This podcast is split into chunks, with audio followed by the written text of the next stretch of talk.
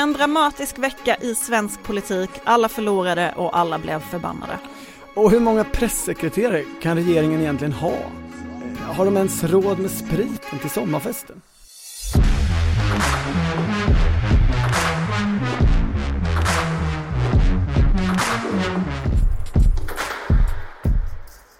Det här är Politiken med Maggie Strömberg och Torbjörn Nilsson. Nu för tiden när det drar ihop sig till potentiell regeringskris och det gör det ju ganska ofta, så, så tänker jag mest egentligen på vilka grejer det är som begravs Mhm. under Vad de eh, skickar ut under tiden. Ja, Eh, och här tror jag inte det är något de har skickat ut, men under den Jo här men det här med SAS, att de skulle sluta ge pengar till SAS, det, tänk, det, tänker, det tänker du var Friday News Stamp. Eventuellt ja. Ja, men det har ju hänt en, en riktigt stor sak får man säga. Eh, under tiden som riksdagen och, och partiledarna har varit fullt upptagna med att kasta skit på varandra. Det, polisen har ju eh, hittat en del politiker i samband med att man utreder bordeller eller prostitution. Sexköp är det man utreder, det är det som är brottet. Ah, ja. Prostitution är ju inte olagligt. Samt, samtliga som här nämns har förstås förnekat eh, brott. Mm. Klassiskt är ju att man förnekar och nästa är ju, det var första gången. Det är också klassiskt. Ja, vi, vi, vi, ska, vi ska inte, jag, jag höll på att göra ett sånt eh, otrevligt skratt som, som var eh, eh, fällande i någon slags dömande mening. Men i vilket fall så har ju Dag Larsson, socialdemokrat i riksdagen, och inte alls en oviktig eh, röst från Stockholm, ganska tung, eh, erfaren politiker, försvunnit helt och hållet. Eh, han Han var ju inte brottsmisstänkt utan han hade ju bara chattat Ja, med en kvinna som arbetade han förekom i, i, i materialet. Mm. Men större än så måste man ju ändå säga att moderaten Anders Knapes eh, försvinnande från svensk politik är. Ordförande för Sveriges kommuner och regioner. Och det var ju bra att han avgick då frivilligt eftersom man inte kan rösta bort en ordförande för SKR. Nej men det här är ju, det, det finns förstås, förstås olika mått och sådär, men, men det är ju Sveriges viktigaste och tyngsta kommunpolitiker. Även han nekar till brott. Han är dock brottsmisstänkt. Men Okej. han nekar till Ja. brott. Eh, han är ju kommunpolitiker eh, från Karlstad i grunden men har då tagit sig upp i hela detta eh, samordningssystem mellan kommuner och regioner, eh, SKR eh, och varit högsta hönset där och har ju haft otroligt inflytande under pandemi och i, ja, i alla välfärdsfrågor Mm. eh, under lång tid. Det, Även gällande sånt som till exempel migrationsfrågan. Hur ska man fördela Ja. flyktingar mellan kommuner? Alltså det. det, det, Det är också. allt som är ja, kommunerna och regionerna. Ja, så jag vill egentligen bara uppmärksamma eh, oss själva på att, att, att Sveriges viktigaste kommunpolitiker plötsligt försvann. Eh, och, och vem som tar över är väl lite, jag tror att det är en centerpartist som tar över i själva SKR, eh, alltså Carola Gunnarsson, tillfälligt. Mhm. Och det är ju spännande. Hon är visa eller vadå? Ja, visst. Men i rikspolitiken är ju Centerpartiet med i vänsterlaget säger alla nu för tiden och eh, inklusive i princip Annie Lööf i sitt agerande. Men i SKR, där lever ju den så här gamla alliansen som någon slags museal eh, företeelse.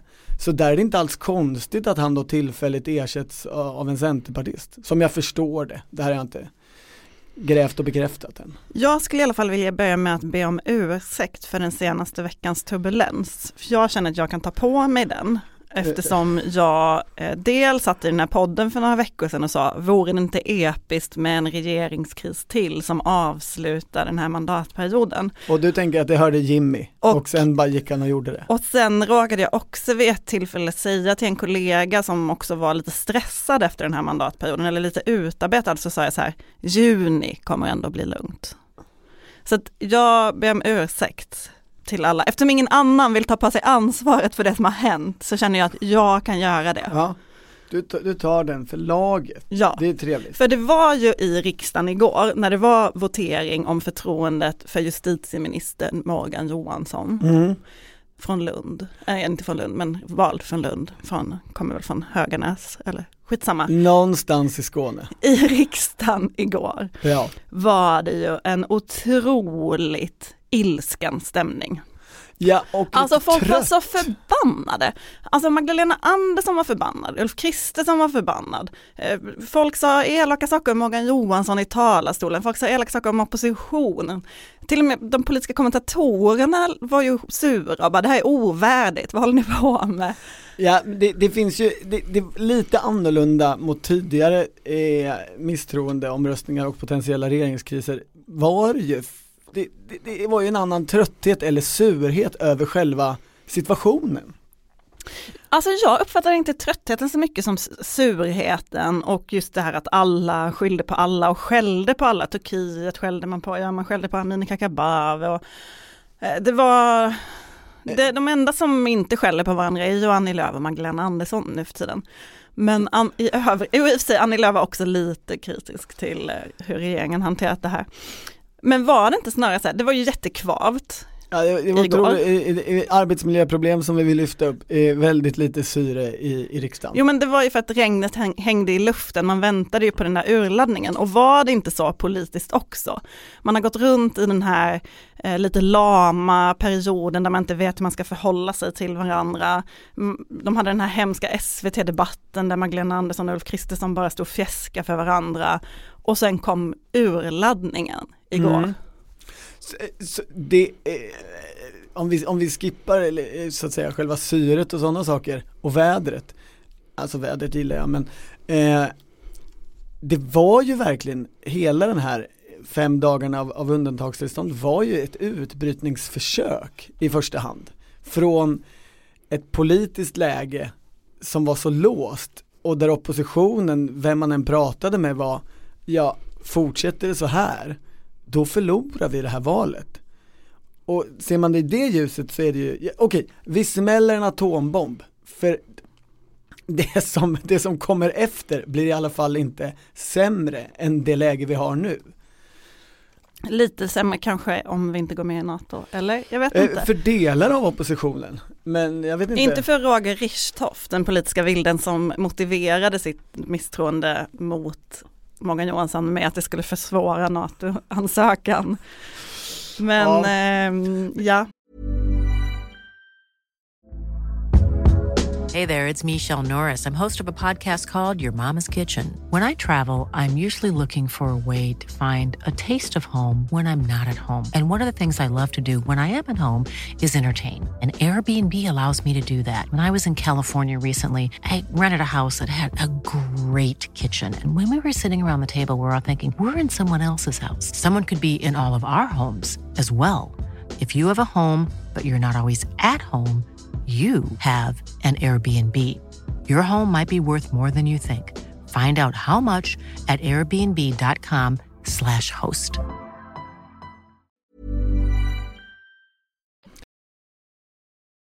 det, det var ju i vilket fall så här att det var ju Morgan Johansson som vann och oppositionen som förlorade. Alltså nu pratar du själva omröstningen i kammaren, inte Ja. the long game. Och förr i världen så var ju resultatet i, i misstroendevoteringar eh, någonting som spelade roll eller hade någon slags betydelse. Men jag vet inte om det har det längre nu när det har gått sån inflation i, i själva fenomenet eh, misstroendeomröstningar. Men, men jag vill bara fastställa att, att det var ju Morgan Johansson som på pappret var någon slags segrare här. Absolut. Eller Magdalena I, Andersson för I den delen. själva kammarsituationen. Men eh, den, den allmänna slutsatsen igår från alla som stod och, analyserade var ju att alla hade förlorat på detta. Mm. Både Socialdemokraterna och Moderaterna. De har ju ägnat de senaste fem dagarna åt ett blame game. Som ju är inte, inte den vackraste stunden i politiken, men även det är en del av demokratin. Det är det ju absolut. Eh, Och där har ju ehm, oppositionen menar ju att Magdalena Andersson aldrig hade behövt ställa kabinettsfråga, att det var oansvarigt av henne att göra det och att hon därför har skapat den här dåliga situationen som vi befann oss i gällande NATO-ansökan. det, det, Och Magdalena Andersson å sin sida menar att de aldrig hade behövt väcka misstroende och rikta ljuset mot Amineh Kakabavehs avgörande roll i parlamentet. och, och grottar man lite i det där så har väl alla en poäng. är det inte så? Alltså, det, det var ju historiskt eh, konstigt att eh, Magdalena Andersson tog ett misstroende riktat mot, mot ett enskilt statsråd och gjorde det till en kabinettsfråga. Då, då får ni ta, fall, faller Morgan så faller hela regeringen. Eh, det har ju ingen statsminister tidigare gjort i en sån situation. Nej men är det någonting regeringen har lärt sig under de här två mandatperioderna som man har regerat så är det ju att, att höja insatserna har man ju vunnit på. Det är ju när man har utlyst extraval. Eller hotat eller, om det. Ja, hotat mm. med att, eller sagt, sagt att man ska, aviserat mm. en utlysning av ett extraval som Stefan Löfven gjorde. Eller när man har eh, satt hårt mot hårt gällande Peter Hultqvists misstroendet mot Peter Hultqvist. Det är ju då man har vunnit. Ja och i någon mening vinner man ju här men det, det är ju, grejen är ju att det inte är voteringen som spelar någon slags roll. Utan nu för tiden så är ju det här någon slags ritual, tänker jag, där, där det okej, okay, någon säger vi ska ha misstroendevotering och sen följer några dagar fram till voteringen sker, där det är fritt fram, fullt blås för alla att skälla på varandra så mycket som möjligt och se vem som kommer liksom eh, mest eh, blåslagen ur situationen på slutet. Ja, och ska man då försöka bryta ner det där lite grann så är det ju tydligt när man pratar med oppositionen, både i bakgrundssamtal, alltså nu pratar jag egentligen moderater och kristdemokrater i första hand. Ja. När man pratar med dem och när man eh, läser det här öppna brevet som Ulf Kristersson skrev till Magdalena Andersson på Facebook, på Facebook. söndags, måndags någon gång. Uh, det är svårt med dagarna, det, det varit helg var men söndags tror jag. Mm. Um, det var väl före partiledardebatten Men det kändes som hans Men i alla fall, liksom. uh, låt mig nu säga det ja, som är min poäng innan jag glömmer bort den. Mm. Oh, jag har nästan glömt bort den. Jo, nej men det är så här. De säger, såg du hur känslosam Magdalena Andersson var på sin presskonferens när hon ställde kabinettsfråga. Hon var ju nä nästan hysterisk. Det där väcker ju inte förtroende hos väljarna. Alltså de försöker ju göra henne till någon slags, eh, ja men, hysterika. Ja. Är det för hårt? Kanske. Nej, nej det finns ju en, äh, till att börja med så ska man säga att det, det är ju inte något positivt de menar med, alltså i vissa andra sammanhang är det positivt att människor visar känslor. Men, men nej, här, nej, här är det ju oseriöst. Ja, visst. Och det talar här är det ju hennes humör. Exakt, det talar ju till diskussionen när hon skulle väljas till partiledare. Då pratades det ju oerhört mycket om Magdalena Anderssons dåliga humör och hennes plötsliga utbrott som hon kan få. Eh, och det är ju det de nu försöker väcka liv i. Jag har skrivit om Magdalena Anderssons dåliga humör i ett decennium eller mer. Alltså för alla personporträtt har, har de sakerna dykt upp. Men nu försökte ju oppositionen väldigt intensivt att göra detta till en, till en svaghet. Och inte så lite utan att så att säga, ja hur ska det uttryckas, det fanns ju i, i mångas inlägg på Twitter och andra ställen en underton av att det, här är en, en galen kvinna. Jaha, du gör genusanalysen? Ja, det, ja, men det är svårt att inte göra. Vi, vi har liksom två eh, hundraåriga traditioner av hysterika eh, diskussion. Äh, diskussion, skildringar, debatter. Man måste ju vara helt historielös och, och inte intresserad av humaniora på något sätt om man inte ser den aspekten av detta. Och att det är naturligtvis någonting som man kan spela på och arbeta med. Och det, det är väl inget fel i det, det finns ju tvärtom eh, situationer också. Eh, moralen får någon annan avgöra i det här. Men, men jag, att man gör det, mm, det är tydligt. Mm, men jag tror inte att regeringen eh, läser detta på samma sätt. För att jag eh, fick något sms där på kvällen som var av typen, oh jag har aldrig sett Magdalena Andersson så arg. Då blir de glada ja, alla de sossar. Ja precis, de, de såg det snarare som något jättepositivt. Ja och det, det, där tror jag att de kanske inte tänker hela vägen. En rätt intensiv vecka. En rätt intensiv vecka. En rätt intensiv vecka. Veckan, veckan, veckan, veckan. Det som följde efter den här pressträffen där hon var aggressiv eller arg eller uppriktig eller vad vi nu vill säga på torsdagen. Det var ju att hon skulle göra ett besök på den här amerikanska stridsbåten mm. som gästade Stockholm och tog inte med sig Ulf Kristersson. Utan, utan tog med Annie sig Annie Lööf. jag är väldigt glad att eh, Annie Lööf eh, ville komma med på det här och eh, det finns ju alla anledning att göra den här typen av besök med flera olika partiledare. Men ska jag säga just Ulf Kristersson så stod ju han på en pressträff med mig för några veckor sedan och sa att Sverige behövde samarbete och att vi tillsammans skulle lotsa Sverige genom den här svåra processen med NATO-ansökan. Och sen efter några veckor senare så lämnade han då, eh, ville rösta bort en av de tre statsråd som är ansvariga för just detta. Eh, det gör ju att han hade inte varit en lämplig kandidat eh, att stå här idag. Mm. Han har visat, han har visat att han, hans ledarskap uppenbarligen inte håller för situationen. Det tror jag var det, var det stora misstaget. Eh. Ja, alltså här håller vi ju inte alls med varandra. Jag har sett att du har skrivit detta i tidningen också. Du tror alltså att hon skulle Förklara vad du tror så ska jag säga emot dig. Om vi tittar på eh, liksom allmänna opinionsläget. Det är ganska låst. SCB-mätningen som kom nyligen. Valet avgörs i, på sätt och vis av småpartierna om de kommer in eller inte. Det är ganska svårt att styra över och så avgörs nog valet av några hundratusen mittenväljare i vilken grad något av de nya blocken kan locka dem över den nya blockgränsen. Jag tror inte att man då går igång på att eh, visa upp eh, Annie Lööf och Magdalena Andersson, de här väljarna. Jag tror att de skulle mer uppskattat, okej, okay, vi tar med oss han som säger att han är vuxen i rummet men uppenbarligen inte är det och visar vem det faktiskt är som styr och ställer och är vuxen i rummet och kan vara den stora personen här. Vi tar med Ulf Kristersson och så får han stå här och förklara för journalisterna på krigsbåten varför han håller på som han gör nu. Och när jag får frågan, jag är Magdalena Andersson nu i det här exemplet. eh, och så får jag frågan av journalisterna så säger jag i princip, ja, det pågår ju lite saker i riksdagen, men nu håller vi på med en större sak här. Eh, Sverige, Sveriges säkerhet och NATO. Och då är det klart att vi måste låta den här lilla, lilla pojken, Ulf, faktiskt få följa med på det.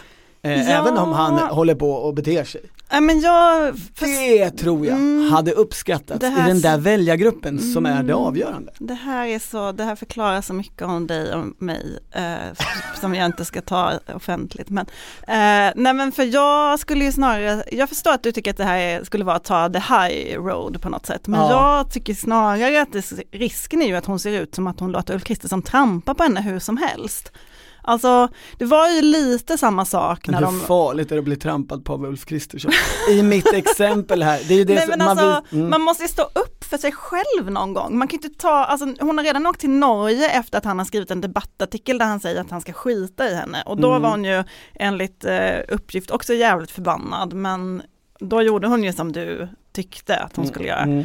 Eller det som hon nu inte gjorde den här gången. Men alltså, kan inte folk också bara se henne som svag, som en slagpåse? Jag, jag, jag, tror inte det. Men, men alltså, en sak som jag har lärt mig av eh, nu snart ganska många år som politisk journalist är att de idéer eh, vi politiska journalister har för hur partier borde göra, de är sällan särskilt bra. Så att eh, men de, de, det, det, kanske var helt rimligt det som skedde. Det viktigaste för oss som reporter är väl egentligen konsekvenserna av det som skedde. För det var ju ytterligare att, att höja eh, insatserna eh, under hela den här processen. Alltså att ta med Annie Lööf? Ja. Ja, då var ju Ulf Kristersson tvungen att skriva sitt brev och markera tillbaka. Men det var ju, eh, det var ju en intressant sak i detta som var att, att det var Sverigedemokraterna som la misstroendet. Ja. Det var Sverigedemokraterna som yrkade och om man minns hur det var när eh, de gjorde det även då i, för ett år sedan, alltså när Stefan Löfven röstade för bort, då mm. var det ju också Sverigedemokraterna som la yrkandet. Och då var ju de andra borgerliga partierna ganska upprörda över sättet de gjorde det på. Att de tyckte att de var hastiga, att de inte hade liksom riktigt tänkt hela vägen och hur, när det var mest taktiskt rätt att lägga det här för att sätta Vänsterpartiet i en svårare situation och så mm, vidare. Mm. Eh, och man undrar ju lite om det var så även den här gången, för att både eh, Liberalerna och Ebba Busch har ju varit ute och sagt att de inte skulle lagt det här på egen hand. Precis, och det, är ju, det, var, ju, det var ju spännande innan eh, Eh, voteringen igår så var ju Ebba Busch på riksdagsjournalisten och var ju, jag var inte där eh, hela tiden men det, hon var ju väldigt öppen i sitt liksom taktiska eh, jag. Ja, jag undrar om hon, ibland går ju folk på riksdagsjournalisterna och har missuppfattat upplägget och tror att det är som ett bakgrundssamtal, fast det är det ju inte. Utan man får ju citera från det. Men, för hon var ju verkligen, eh, hon sa ju så här, men vi hade förlorat mer om vi upplevdes rädda kvar Morgan Johansson. Därför kunde vi inte göra det. Vi kunde inte, alltså hon fick ju bara fråga under en timme om misstroendet och hur de hade resonerat och eh, varför de inte egentligen drog, både varför de då gick med på misstroendet men varför de inte drog tillbaka det. Och, ja, det var, det var väldigt mycket diskussion fram och tillbaka kring detta. Hon sa ju också vid ett tillfälle att om någon skulle backat från det här så skulle det varit Ulf Kristersson eftersom hans roll är att vara den vuxna i rummet. Eller hon sa att han har ju presenterat sig som den vuxna i rummet. Medan hon beskrev sig själv som sanningssägaren i rummet och att hennes, eh, hennes roll, nej men jag tyckte att det här var ju väldigt, hon, hon satte ord väldigt bra på Jag hur hon har agerat. Jag vill bara, jag, ordet sanningssägare är kul, jag vet. Men, Nej men alltså vuxna säger alltså inte sanningen. Utan, Nej men jag vill bara säga hur hon formulerade det för det var ganska roligt. Hon sa så här, eh, att hon är den som går före, tar en del smällar, banar väg för en borgerlig regering och att det har varit hennes roll under två mandatperioder. Och det är ju sant, ja det är en rimlig självbild. verkligen. Ja. Och då var det någon som sa, eh, det var nog Ann Tiberg på TV4 tror jag, som sa, ser du dig som en tonåring eller du beskriver dig som en tonåring och då sa hon, nej hon beskriver sig som kärringen som gör grovjobbet. Det, det kanske inte är jättesnällt sagt mot Ulf Kristersson, just det där sista. Hon var också, eh, Ebba kan ju vara väldigt rolig och hon var på sitt roliga humör på riksdagsjournalisterna. Det var ju sjukt mycket folk, jag tror aldrig jag sett så mycket journalister på riksdagsjournalisterna för, eftersom alla var där för att rapportera om misstroendet, väldigt packat. Och hon pratade om eh, regeringens, eh, eller sossarnas deal med Amineh Kakabaveh och beskrev det som ett krångligare upplägg än min husaffär. Det var ju ändå kul. Just den där punkten är ju intressant. Eh, för hon pratade ju också om att hon hade erbjudit eh, Magdalena Andersson eh, att eh, släpper ni bara Morgan Johansson så ska vi se till att, ni inte, att det inte blir några fler misstroenden. Ja, eh, och att ni kan också släppa dealen med Kakabaveh. Ja, och det är ju spännande i sig för att det känd, den där dealen, om man granskar den lite, tittar lite närmare på den så inser man ju att den där hade ju de aldrig velat ha igenom, eller den, den kan inte vara seriöst menad. Alltså, då skulle det innebära att Kristdemokraterna som parti säger vad som än händer under resten av mandatperioden. Eh, alltså, alltså jag, jag menar det kan ju vara ett statsråd, en minister som gör någonting extremt märkligt. Eh, och så har de redan från början sagt nej under den här tiden ska vi, så, så är vi inte emot något statsråd och kan absolut inte tänka oss att, att väcka misstroende. Det är ju lite märkligt, det är inte seriöst. Mm, det är ju inte så lång tid kvar på den här Eh, nej, mandatperioden poäng. och eh, så att det är inte, kanske inte, jag, eh, jag tror hon menade sitt bud seriöst. Hon fick ju mycket, ja det var stor, stor diskussion kring det på riksdagsjournalisterna också. Folk var, tyckte att det var ologiskt och sådär men jag tänker att det hon försökte göra var en så här klassisk diplomatisk manöver där man försöker erbjuda Magdalena Andersson ett sätt att backa utan att tappa ansiktet. Sådär som Mm. man ofta gör i liksom internationella sammanhang eller Mm. krigssituationer eller något annat. Att man bara, om vi gör så här så kommer det se snyggt ut. Då ger vi dig en väg ut. Det här var ju en krigssituation, det här Ja. är ju Kubakrisen. Eh, Alltså alla fattar att det är mutual destruction, men, men ingen kan riktigt. Ingen backar. Nej. Och det är väl den, den eh, frågan som hänger kvar, är väl så här, om de nu inte hade fått med sig efter- som ju bytte position ett antal gånger under dessa fem dagar. Eh, allt från att hon inte skulle dyka upp till voteringen till att hon absolut inte kunde tänka sig att inte dyka upp till voteringen till att hon skulle rösta ja och nej och lite däremellan och lägga ner sin röst och så vidare. Ehm, man undrar ju om Morgan Johansson var på väg att avgå Mm. där på morgonen innan de fick bekräftat hur hon skulle göra. Och det tydliggör ju också att det är ju Socialdemokraternas ansvar, det är ju Socialdemokraternas problem det här. Samtidigt så hade ju en del utav oppositionen, inte Sverigedemokraterna skulle jag säga, igår en del besvär med just, men just med Kakabaveh, Turkiet, NATO-ansökan situationen. Eh, är det här en, en så lyckad situation och då försökte man någonstans, flera av dem säga att ja men det, det är ju en situation som har uppstått på grund av Magdalena Andersson, vilket i, i någon mening är rätt. Men lyssnar man på Henrik Winge, han var i, i Studio 1 i, på fred, i fredags tror jag. Sverigedemokraternas gruppledare. Just det, som var den som eh, konkret väckte det här misstroendet. Då är han långt inne redan då i resonemangen om NATO och vad det, hur det här påverkar den situationen. Alltså Sverigedemokraterna gör ju detta med öppna ögon inför hur det här kan försämra Sveriges position i, i förhandlingarna med Turkiet. Det vi kommer att se nu det är att eh, Amineh Kakabaveh som alltså är mm, den politiska vilden som kanske kommer att avgöra det här. Hon kommer att bli uppvaktad av Socialdemokraterna och få ett, ett nytt förslag till avtal. Eh, men jag tror att hon kommer förstå att det avtalet är inte så mycket värt. Utan när hon, om hon väl stödjer Morgan Johansson på tisdag så kommer Socialdemokraterna att svika henne på onsdag. De är ju helt nyblivna NATO-förespråkare så det kanske inte gör så ont i dem. Nej, och, och samtidigt har man då resten av oppositionen där flera av dem har gått och drömt om ett svenskt NATO-medlemskap i decennier. Och som ju förstår att det här är ju inte bra. Oavsett om Magdalena Andersson ger någonting mer till Amineh Kakabaveh i en förhandling nu eller inte, så sätter ju det här liksom strålkastarljuset på henne på ett sätt som Erdogan var... kommer fortsätta utnyttja. SD var ju också det enda parti som inte hakade på Ebba Buschs erbjudande. Det gjorde ju både Moderaterna och Liberalerna. Men SD vägrade. Man får inte svära i tv. Eh, men eh, det är pyramidalt klumpigt. Alltså. Pyramidalt klumpigt.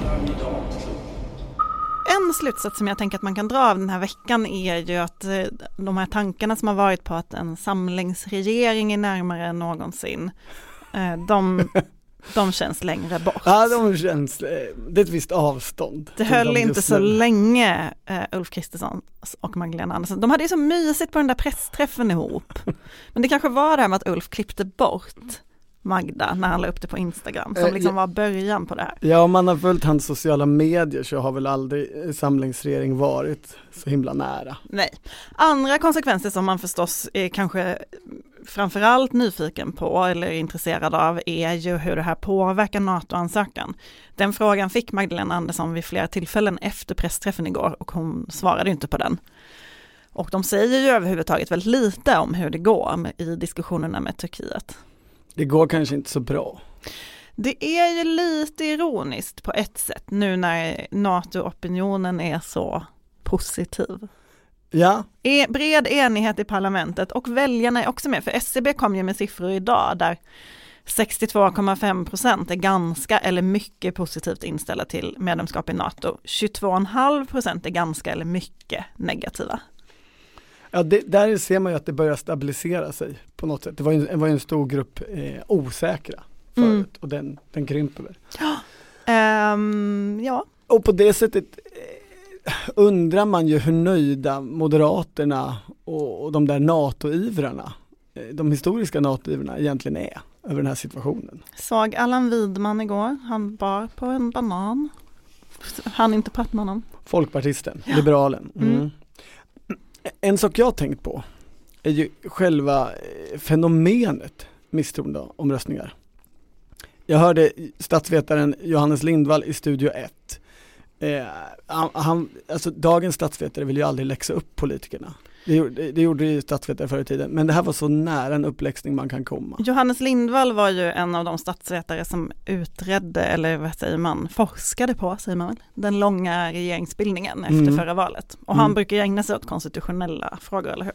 Ja, och här var han ju eh, behärskat sur. Alltså hans problem var att, eh, han menar nog, eh, jag tolkar honom så, att misstroende eh, verktyget missbrukas av politikerna. Bland annat för att i förarbetena som jag förstår honom så görs det en skillnad på vilken orsak och motivering det ska finnas när man riktar ett misstroende mot ett enskilt statsråd och mot när man riktar mot eh, statsministern. Har man eh, invändningar om regeringens politik så, så ska de gå mot statsministern. Har man eh, invändningar mot ett extraordinärt beteende hos ett enskilt statsråd eller ett missbruk på något sätt. Eh, missbruk av maktutövning alltså, så, så ska det gå mot ett enskilt statsråd. Och här blandade ju oppositionen äpplen och päron lite, de använde ju båda argumenten. Alltså det var å ena sidan att Morgan Johansson har blivit prickad av KU. Det är tydligt, det är något som en enskilt statsråd har gjort. Då, då skulle man just riktat det mot Morgan Johansson. Eh, å andra sidan så sa man ju också att det var hans usla kriminalpolitik och misslyckandet med gängkriminaliteten. Då skulle det som jag förstår Johannes Lindvall nog riktats mot eh, hela regeringen och mot statsministern. Jag vill inte gå i polemik mot Johannes Lindvall, jag har inte läst de här förarbetena, men eh, polemik med, polemik mot. Ja, du vill inte bråka med honom? Nej. Eh, men jag vill säga det här, man, det brukar ju ofta talas om att eh, svenska politiker aldrig avgår för att de har misslyckats politiskt, utan att de bara misslyckas med sånt som att eh, rapportera in rätt uppgifter när de får dubbelt boendeersättning mm. och kör rattfull på Öresundsbron och liknande istället mm. för att faktiskt avgå för att de misslyckas med sin politik. Vore inte, liksom, är det inte ändå Finns en inte något, nej men finns det inte något positivt i att rikta ett misstroende mot någon för att de har varit dåliga snarare än för att de har eh, varit omoraliska? Det, det, det, jag säger inte emot det här. Jag ägnade mig istället åt att studera den, den första misstroendeomröstningen som skedde i oktober 1980. Alltså den första i, i den nya grundlagen från, från 1974. Och den handlade om ekonomisk politik och riktades mot statsminister Fälldin. Så på det sättet eh, höll de sig till det, Lindvall. För att han var för nyliberal? Ja, eh, Jörn Svensson, vänsterpartisten, sa i debatten att eh, vad den här eh, misstroendeomröstningen egentligen handlar om, det är att regeringen överger Keynes eh, och ska ersätta Keynes med Friedman. Så det var väldigt tydligt. Det är så att menar, säga liberala det, skiftet 1980 är det inte som det, det handlar om. vi har allmänna val till, att man ska välja mellan olika ekonomer? Jo men ja, det kan man då tycka. Eh, eller olika eh, förslag på kriminalpolitikens område. Eh, det var ju, alltså det finns ju tydliga likheter här eh, med, med 1980 och nu. Till att börja med, det var ytterkanten som drev fram det. Alltså det var Vänsterpartiet, då kommunisterna, som pushade fram eh, det här misstroendet. Men det hade ju inte gått utan att de hade fått med sig Socialdemokraterna som då leddes av Olof Palme. Och Olof Palme var ju precis lika vacklande inför det här som Ulf Kristersson eh, är nu. Alltså Alltså vi skulle inte överlevt politiskt om vi inte gjorde detta. Det är ju så som Kristersson beskriver det. Det är så som Ebba Busch formulerar ja, men hon, men hon det, är ju sanningssägaren. Det är så medarbetare till Ulf Kristersson säger. Och det får man ju titta på Moderaternas situation här. De har ju, de har ju så att säga återhämtat sig som parti tack vare kanske den där strategin att vi ska visa oss lika villiga att regera lika mot Socialdemokraterna som Sverigedemokraterna. Arvet efter decemberöverenskommelsen. Ja, frågan är om den analysen, alltså den analysen har uppenbart varit korrekt. Frågan är om den verkligen är det nu. Någon gång så, så, så sker ett skifte där, där gamla analyser blir gamla.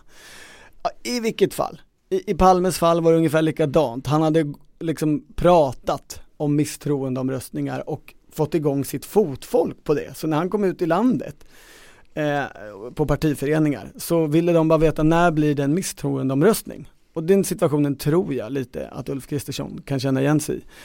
Eh, och till slut så var då Palme Eh, tvungen mer eller mindre att väcka misstroendeomröstning fast partiledningen alltså i verkställande utskottet så var man högst skeptiskt till om det här var bra. För man tänkte att det fanns ett pris eh, att betala, för man skulle ju förlora. Alla vet ju, eh, alltså alla trycker på rätt knapp, då förlorar man. Och då har man bara visat att man inte har makt och att det är regeringen som har makt. Och det är skillnaden, skulle jag säga. Alltså att nu är det ingen som resonerar kring att man har ett pris att betala. För alla tänker att under de här dagarna av eh, hysterisk eh, opinionsbildning och pajkastning så kan man ändå vinna någonting. Man kan komma segrande ur inte voteringen utan ur spelet. Ja men plus att man kan ju, alltså i det här fallet så visar man visst att Magdalena Andersson kan sitta kvar men det är ju fortfarande, man visar ju också hennes väldigt svaga regeringsunderlag och tänker sig att det ska spela roll i valet. Alltså att hon inte har ett lag, att hon är beroende av Amineh Kakabaveh. Ja och på det sättet är ju det här mest av allt inte en fråga om Morgan Johanssons ansvar utan ett utbrytningsförsök från, från den här situationen där det går ganska bra, eh, orimligt bra skulle ju många säga, för regeringen eh, i opinionen och där de tänker att det där regeringskortet måste vi få upp. Vi måste få folk att tänka på att regeringsfrågan är jätteviktig och där har de inget svar. Nej, och det börjar man ju också höra dem prata lite mer om i NATO-frågan eh, när man pratar med oppositionspersoner nu så lyfter de ju gärna fram hur ska det gå med NATO-ansökan? Ska Magdalena Andersson regera ihop med sen, nej, förlåt, Vänsterpartiet och Miljöpartiet som är NATO-motståndare? Är hon verkligen rätt person att lotsa igenom det här? Och tänker sig att den frågan ändå kan komma tillbaka i valet på det sättet.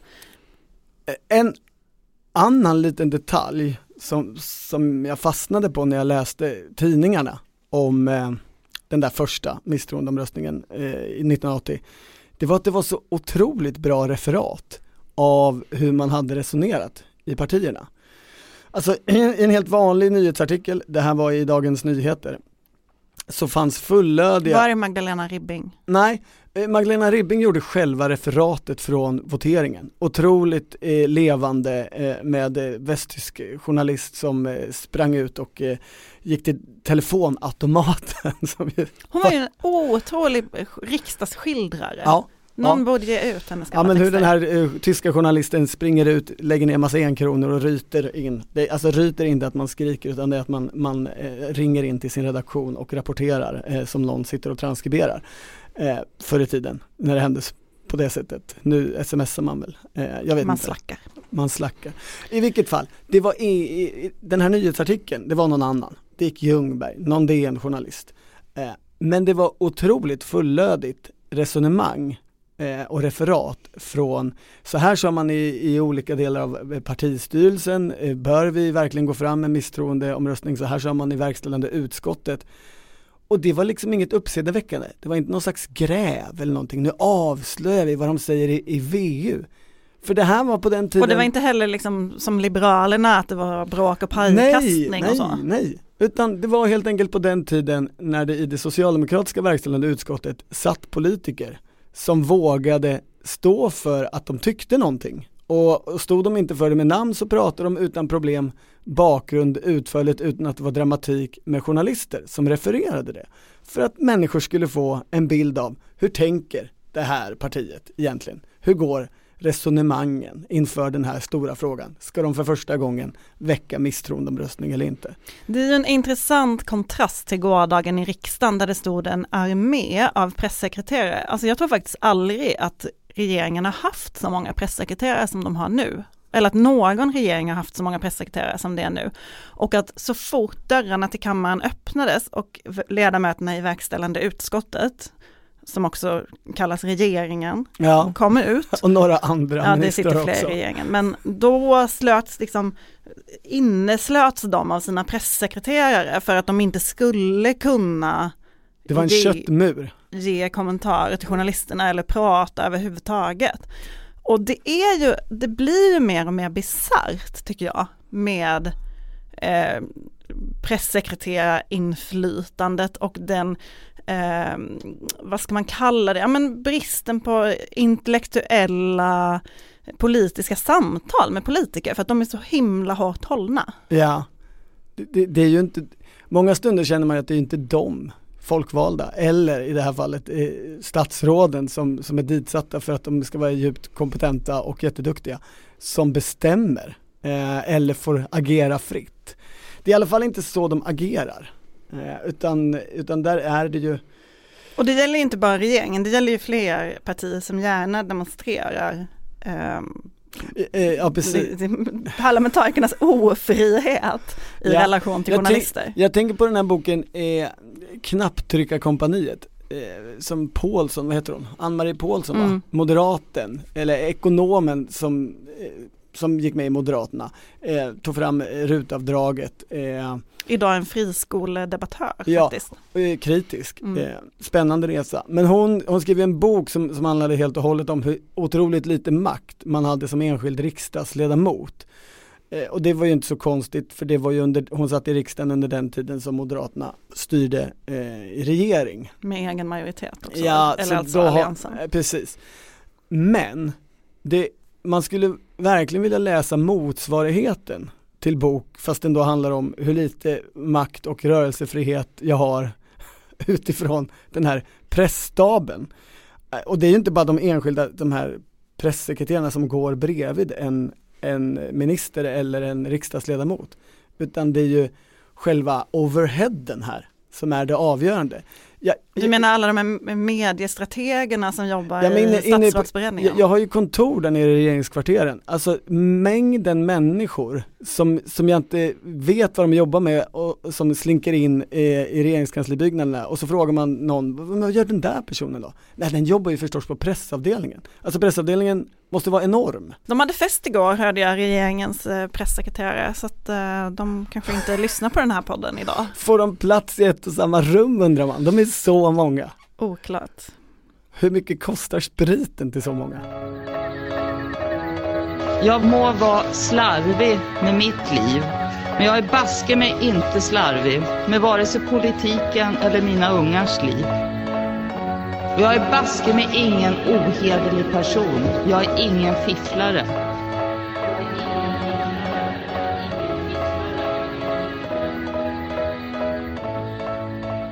Uppdrag granskning, Eh, i Tv-programmet, klassiskt SVT-program, ja får man säga. har avgjort val.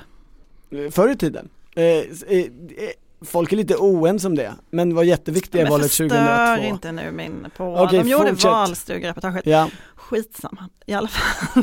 De har idag en, eh, presenterat eh, en, idag sänder de en granskning ja, som heter Maktens bostäder.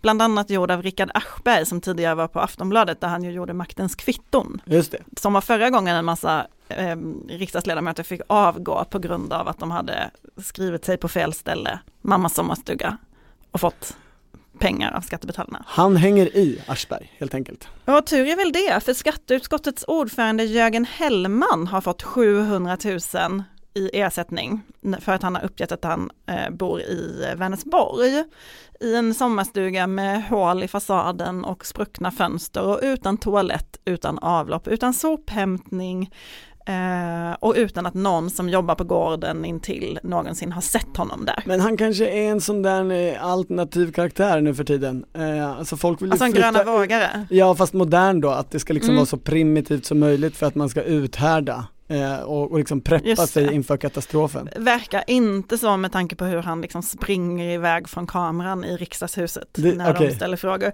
Eh, även riksdagsledamoten Helena Boväng från Moderaterna Ja. har en övernattningslägenhet i Stockholm som hon inte har rätt till. Hon är folkbokförd.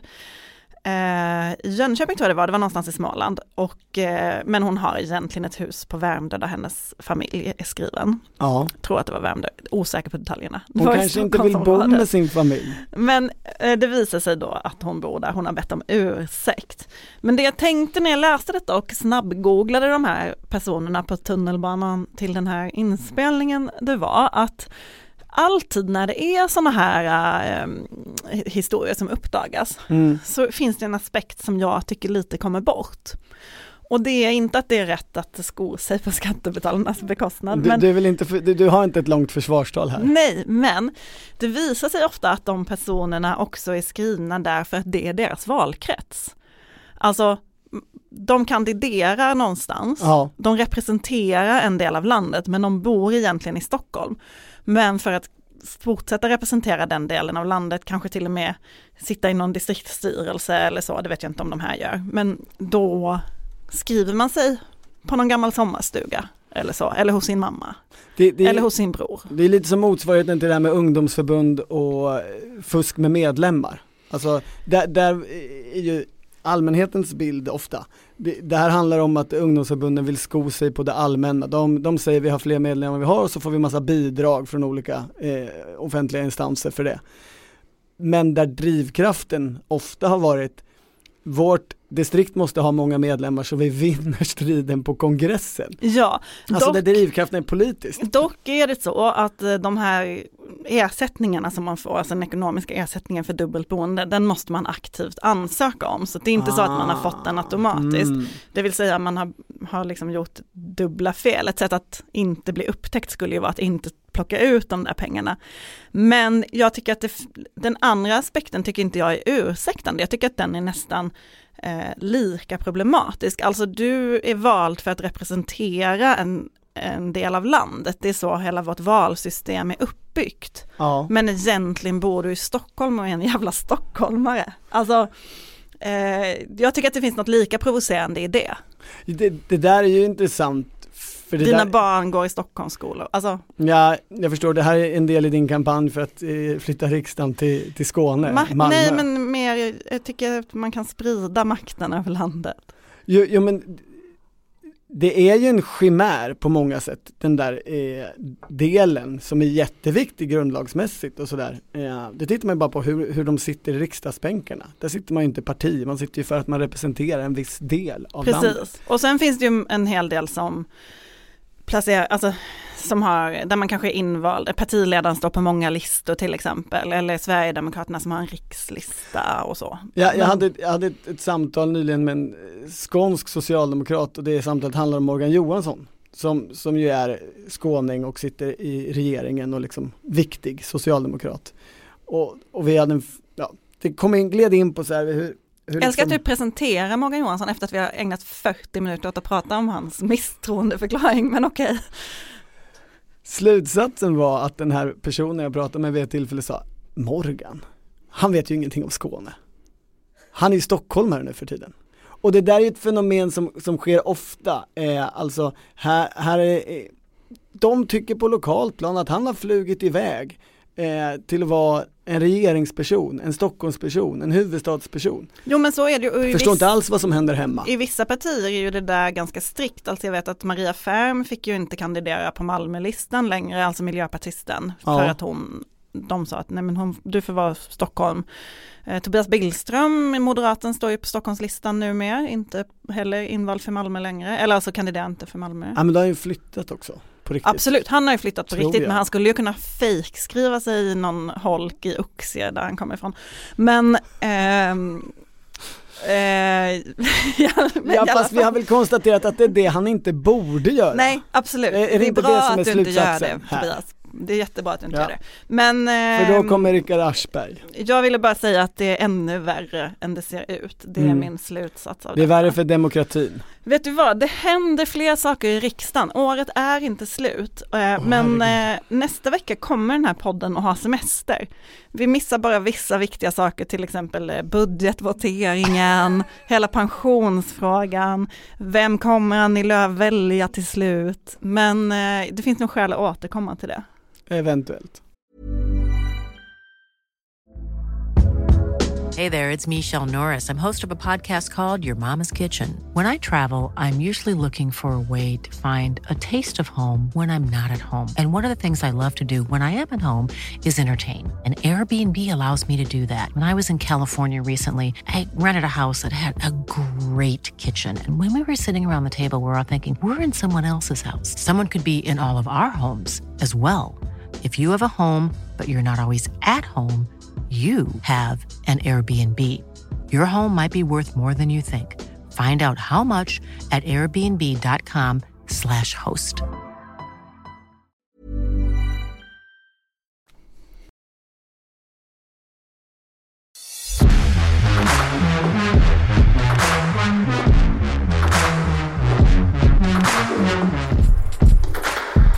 Har lyssnat på Politiken, en podd från Svenska Dagbladet. Producent var Martina Pierrot, ansvarig utgivare Anna Kareborg.